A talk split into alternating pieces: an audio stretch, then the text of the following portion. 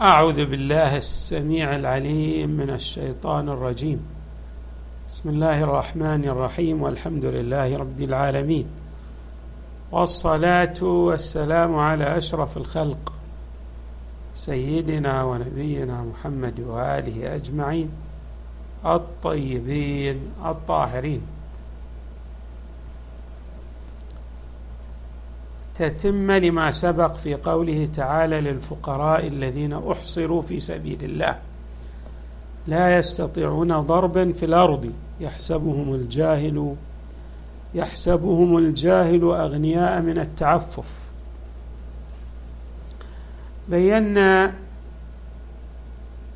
وجها في أحصروا وقلنا إن الإحصار هو المنع والحبس. ولكن أحصروا في هذه الآية يمكن أن يحمل على معنيين. المعنى الأول هو أنهم هم حصروا أنفسهم في سبيل الله من أجل أن يقوموا بمنافع عامه ترجع إلى المسلمين.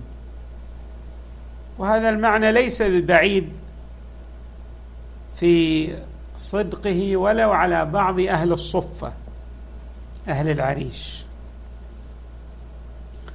المعنى الثاني احصروا لا هم أوذوا ومنعوا وضيق عليهم. وهذا المعنى قطعا أيضا يصدق على بعضهم. وبالتالي ففي الآية المباركة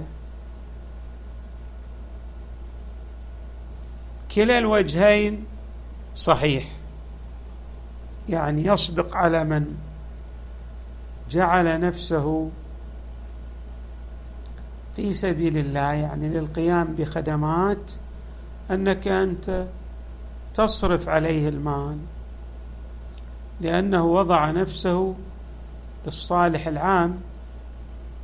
وهؤلاء بالفعل كانوا في العريس يتصدون لمهام ترجع إلى المنافع العامة للمسلمين. فمثلا كان النبي إذا احتاج إلى أن يجهز سرية يأخذ منهم وكذلك أيضا مسألة التعليم لبعض المسلمين هي مسألة جد هامة. فهؤلاء الذين نذروا أنفسهم للتعليم أيضا يحتاجون إلى مصارف كما نلحظ في أيام الناس هذه أن الحكومات تصرف الرواتب الكبيرة على من يتصدون للتعليم وهكذا أيضا الحوزات العلمية تصرف الأموال الكثيرة على طلبة العلم والمبلغين للأحكام الشرعية فاذا احصروا قد يأتي بأحد المعنيين ولعل الآية المباركة آه، تريد أن تشير إلى كلا المعنيين وليس إلى واحد منهما فحسب. أيضا من الأمور التي ينبغي أن نلتفت إليها في الآية نلحظ هم لا يسألون الناس الحافا. وبالتالي كيف نتعرف على فقرهم؟ نتعرف على فقرهم من خلال المعرفة بسيماهم. يعني هؤلاء قد لا يظهرون الفقر ولكن تبدو على عليهم بعض آثار الفقر. مثلا نراهم في مراكبهم في أكلهم لا يستطيعون أن يوفروا ما يحتاجونه لأنفسهم.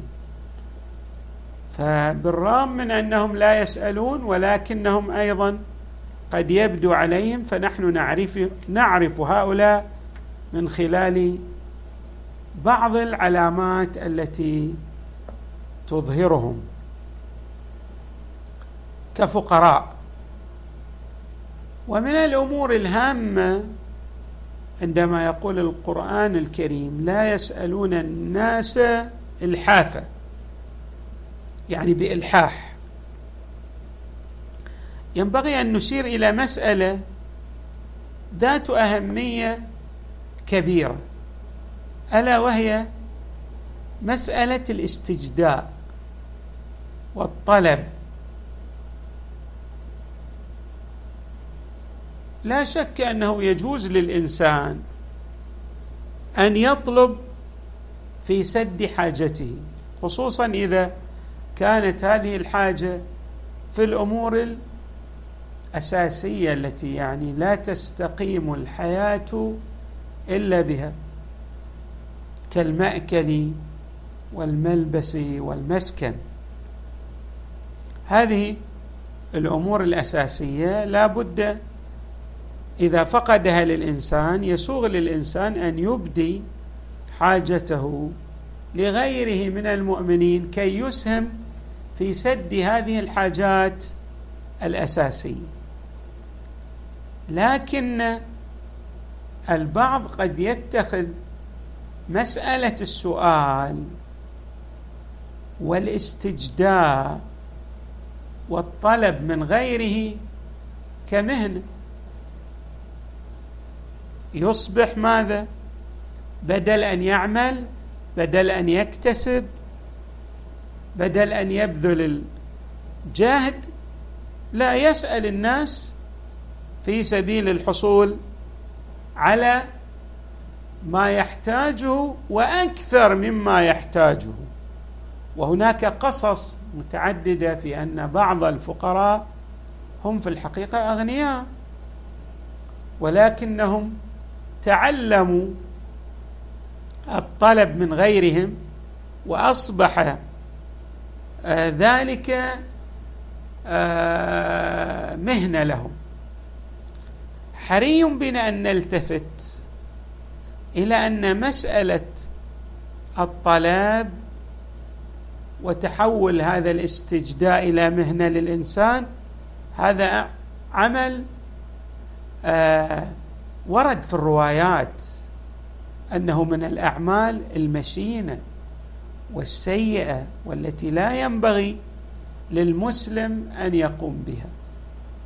فضلا عن المؤمن يعني الذي يريد أن يجسد الإسلام في سلوكه وفي شخصيته لا ينبغي للمسلم أن يستجدي غيره بالخصوص إذا كان لديه ما يسد به حاجته. روايات متعددة وردت. من هذه الروايات أنها لا تحل الصدقه للغني. هذه رواية وردت عن النبي صلى الله عليه وآله. وفي رواية أخرى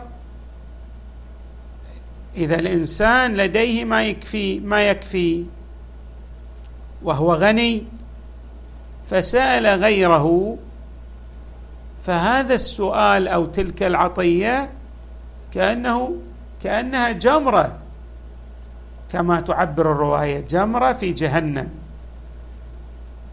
فالأحاديث يعني تندد تشجب آه هذا السؤال من قبل آه بعض الناس الذين يعني يتحول هذا السؤال إلى صنعه بالنسبة لهم. مهنه احتراف. يقومون به في كسب المال الذي قد لا يحتاجونه لأن عندهم ما يكفيهم. والبعض كما قلنا قد يكون وصل إلى درجة الغنى الشرعي يعني لديه ما يكفي لمدة سنة أو أكثر. بل في بعض الأحاديث آه تبيان إلى أن هذا السائل الذي يسأل ترد شهادته. يعني لا تقبل. آه آه كما نعبر تسقط عدالته. لا يكون عادلا إذا كان يسأل على هذا النحو من السؤال يعني وهو لديه ما يكفي وما يسد حاجته. اذا علينا أن نلتفت إلى أن في هذه الآية المباركة التي بيناها فيما تقدم آه، دروس متعددة حري بالمؤمن أن يلتفت إلى المعاني الكبيرة لهذه الدروس. الحمد لله رب العالمين صلى الله وسلم وزاد وبارك على سيدنا ونبينا محمد وآله أجمعين الطيبين الطاهرين.